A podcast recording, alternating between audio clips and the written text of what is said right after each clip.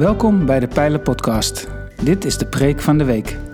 Luister naar de Bijbelse boodschap die verkondigd is. We hopen dat je groeit in kennis en liefde voor Jezus Christus.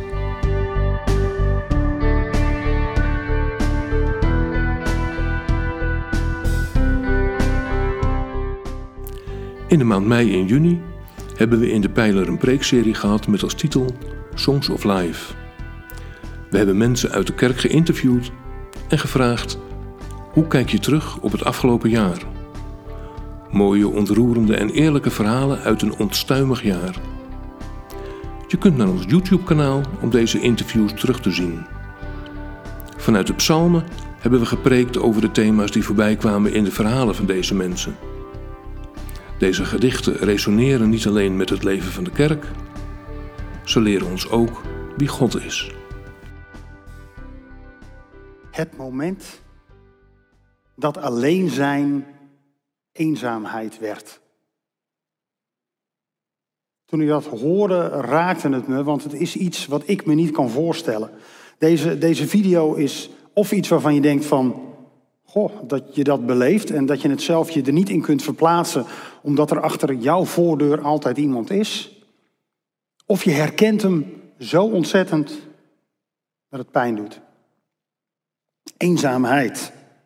En even om helemaal duidelijk te zijn, Tamara zit niet te wachten op stromen aan kaartjes, mensen die bij haar langskomen, met alle goede bedoelingen. Bid, bid voor haar, bid voor mensen zoals Tamara, zodat zij gedragen zullen worden, zodat dat kleine lichtpuntje het gevecht aan mag gaan met het duister. Dat hebben ze nodig. De God van hun leven die er is, dat die zich toont. Ook al is dat niet altijd op een manier waar je lekker tegenaan kunt knuffelen op de bank.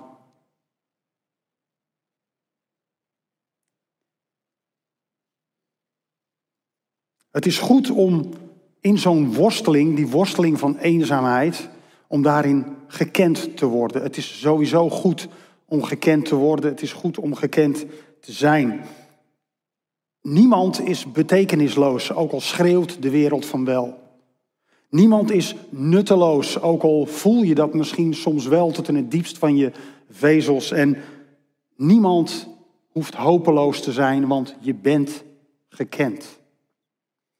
Psalm 139 spreekt daarover en daar wil ik met jullie kort naar kijken. Psalm 139 is een vrij uitgebreide psalm. Er zitten verschillende psalmgenres door elkaar heen. Zo is er een stuk dat een duidelijke klaagpsalm is, dan praat hij over zijn vijanden. Er is een stuk lof, lofpsalm waarin hij de lof zingt over Gods schepping. En het deel waar ik vandaag met jullie naar wil kijken is het deel van de wijsheidspsalm. Psalm 139. Laten we samen lezen vanaf vers 1 tot en met vers 12. Voor de koorleider van David een psalm. Heer, u kent mij, u doorgrondt mij, u weet het als ik zit of sta, u doorziet van verre mijn gedachten. Ga ik op weg of rust ik uit? U merkt het op. Met al mijn wegen bent u vertrouwd. Geen woord ligt op mijn tong, of Heer, u kent het ten volle. U omsluit mij van achter en van voren. U legt uw hand op mij. Wonderbaarlijk, zoals u mij kent. Het gaat mijn begrip te boven. Hoe zou ik aan uw aandacht ontsnappen, aan uw blikken ontkomen? Klom ik op naar de hemel, u tref ik daar aan. Lag ik neer in het dodenrijk, u bent daar. Al verhief ik mij op de vleugels van de dageraad, al ging ik wonen voorbij de verste zee, ook daar zou uw hand mij leiden, zou uw rechterhand mij vasthouden. Al zei ik, laat het duister mij opslokken. Het licht om mij heen veranderen in nacht. Ook dan zou het duister voor u niet donker zijn. De nacht zou oplichten als de dag en het duister zou helder zijn als het licht. Tot zover. Iemand omschreef de laatste twee versen 11 en 12 vanuit de letterlijke vertaling vanuit het Hebreeuws. Laat de duisternis mij maar verpletteren, want de nacht is toch licht rondom mij. David, de psalmist, speelt hier met gedachten van diepe worsteling, De eenzaamheid die soms komt met de positie van leiderschap. Maar die ieder mens ten diepste kent. Ook binnen je huwelijk kun je je ontzettend eenzaam voelen. Maar hij weet zich gekend. Hij weet zich gedragen. En ook als de diepste gedachten er zijn, de gedachten die leiden naar de punten waar hij denkt, laat de duisternis mij maar opslokken. Dat klinkt een beetje in, joh, voor mij mag het over zijn. Ik mag klaar zijn. Voor mij hoeft het niet verder. Maar dan, dan is daar dat lichtpunt wat de strijd aangaat met het duister. En dan sluit hij af, de nacht zou oplichten als de dag en het duister zou helder zijn als het licht. David die bepleit zijn goede wil, zijn integriteit, zijn goede bedoelingen bij God. En het is een beetje zo dat wij vinden controle vaak niet fijn. Het is voor een heleboel mensen een hele creepy gedachte dat God continu met je meekijkt en alles van je weet. Want ja, dan vindt hij ook dingen van je. En bij David, ja, David, daar heeft hij genoeg van te vinden. Dat, dat begint al op het moment dat we in 1 Samuel 16 lezen. Dan wordt Samuel op weg gestuurd naar het huis van Isaïe. Want daar zal hij de nieuwe koning van Israël ontmoeten, vertelt God hem. En wat blijkt? David is daar die puber die je liever even wegstuurt als de muziek komt. Want alle zeven zijn broers zijn er en wie is er niet? David, ja, die zit in het veld. Die is krachttraining aan het doen met beren en met leeuwen. Die is aan het spelen op zijn harp, want die wil in een band. David is de odd one out. Hij is degene die gaat springen op het meubilair als er bezoek is. Die nu ongemakkelijke vragen stelt. Zoiets stel ik me dan voor. David is er niet. Op dat moment al. En dan wordt hij gehaald en na zijn zeven broers is David dan degene die samen moet zalven. Maar ook later in zijn bediening maakt hij best fouten. Degenen die het leven van David kennen, dat zijn de meesten denk ik, die zullen zich beseffen dat David, ja, die heeft iemand laten vermoorden, pleegde overspel, loog, was continu in het gevecht. Voordat hij koning was, was hij in gevecht met de koning van het land, met het land zelf, met de wil van God, met zijn eigen ik. En toen hij eenmaal koning was, toen was hij in gevecht met de regels, was hij in gevecht met zijn eigen ik alweer. Dus David heeft geen, geen smetteloos blazoen. Het is niet dat David zegt van God, hier heeft u mijn cv, u gaat me hierop aannemen. David wist donders goed wie hij was.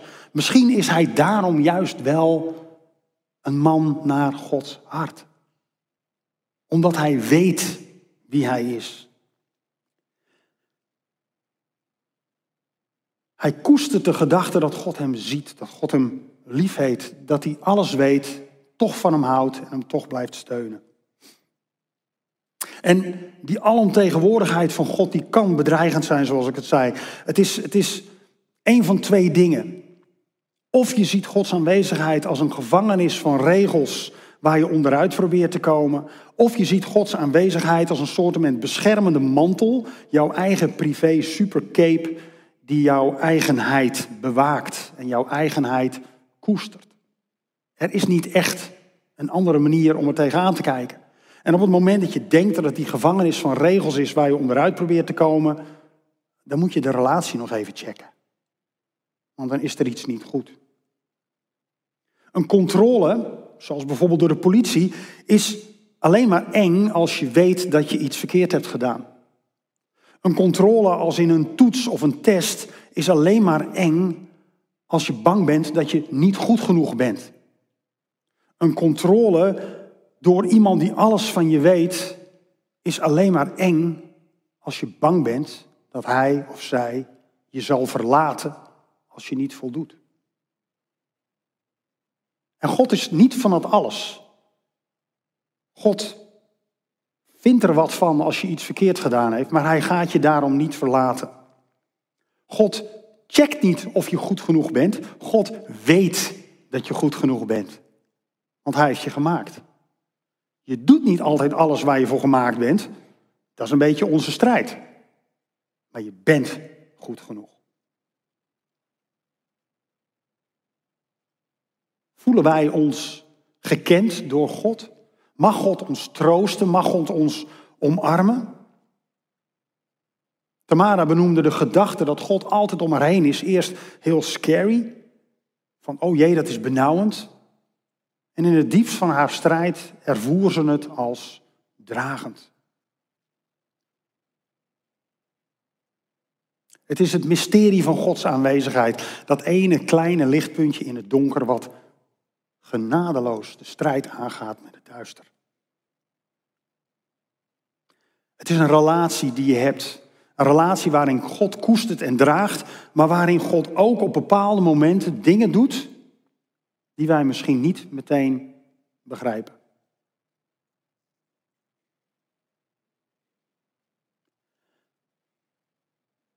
Maar dat, dat leren kennen, dat is wel een ding, hè?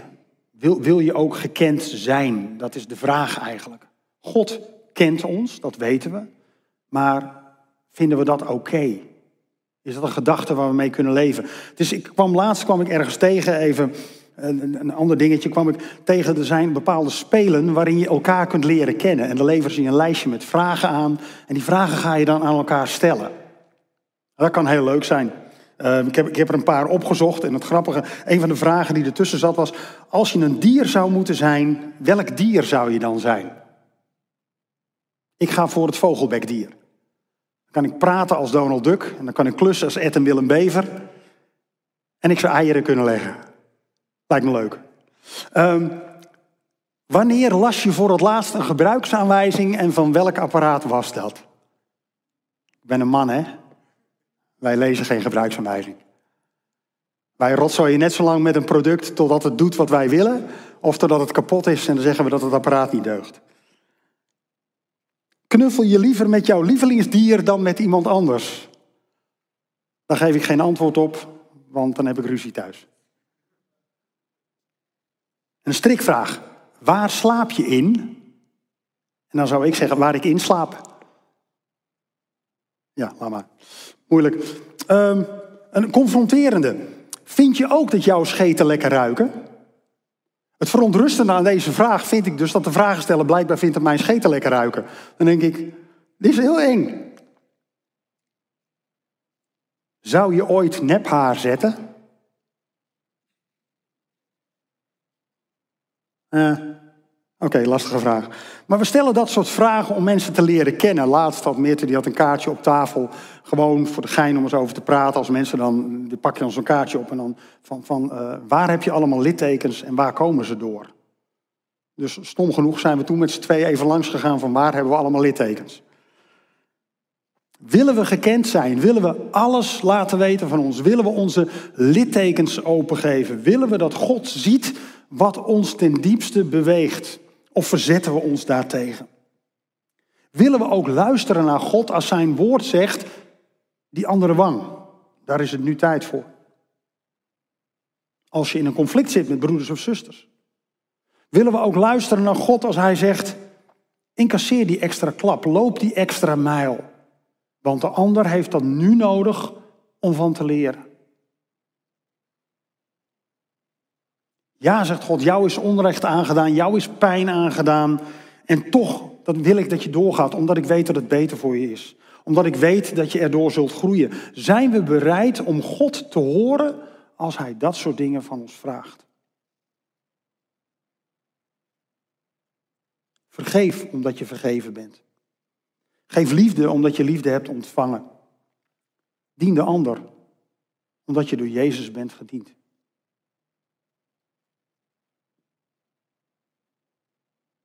Gods aanwezigheid is echt een van twee dingen. Of het is een gevangenis waarin je je opgesloten voelt, of het is een plek waar je je beschermd voelt door zijn aanwezigheid. En als je die God daadwerkelijk leert kennen, dan mag je stap voor stap groeien naar die relatie met Hem. En op het moment dat je dat eenmaal ontdekt hebt, kun je niet meer terug.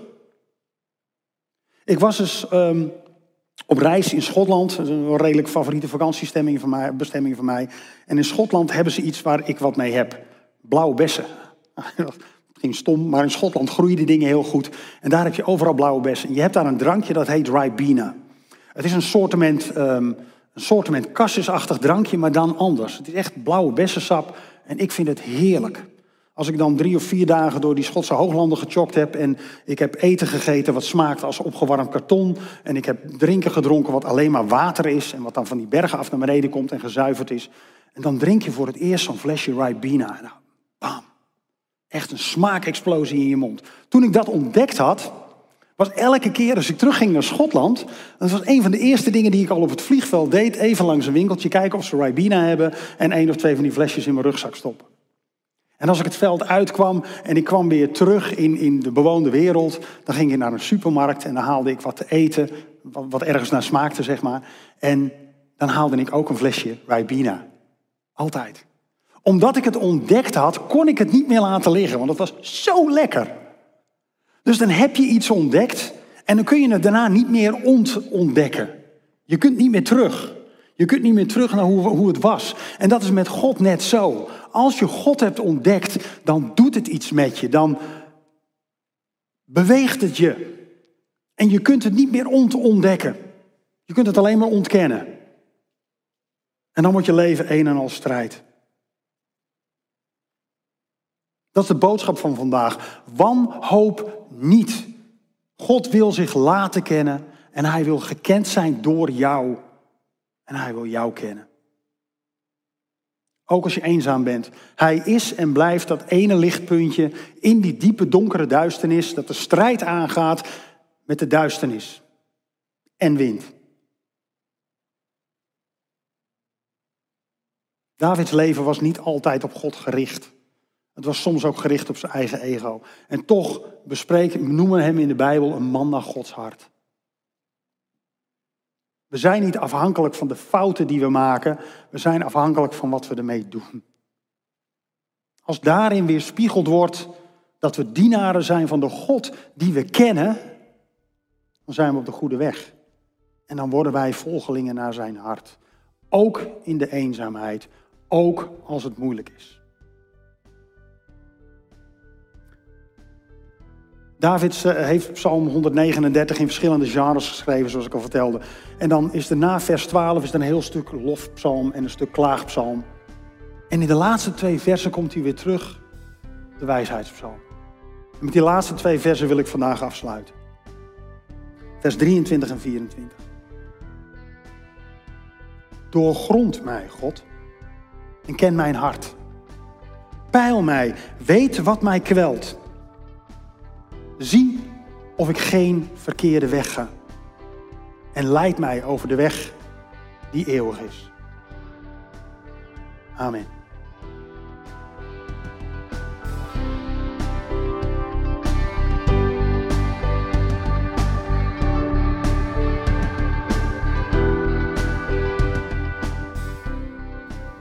Bedankt voor het luisteren naar deze aflevering van de Pijlen Podcast, Preek van de Week.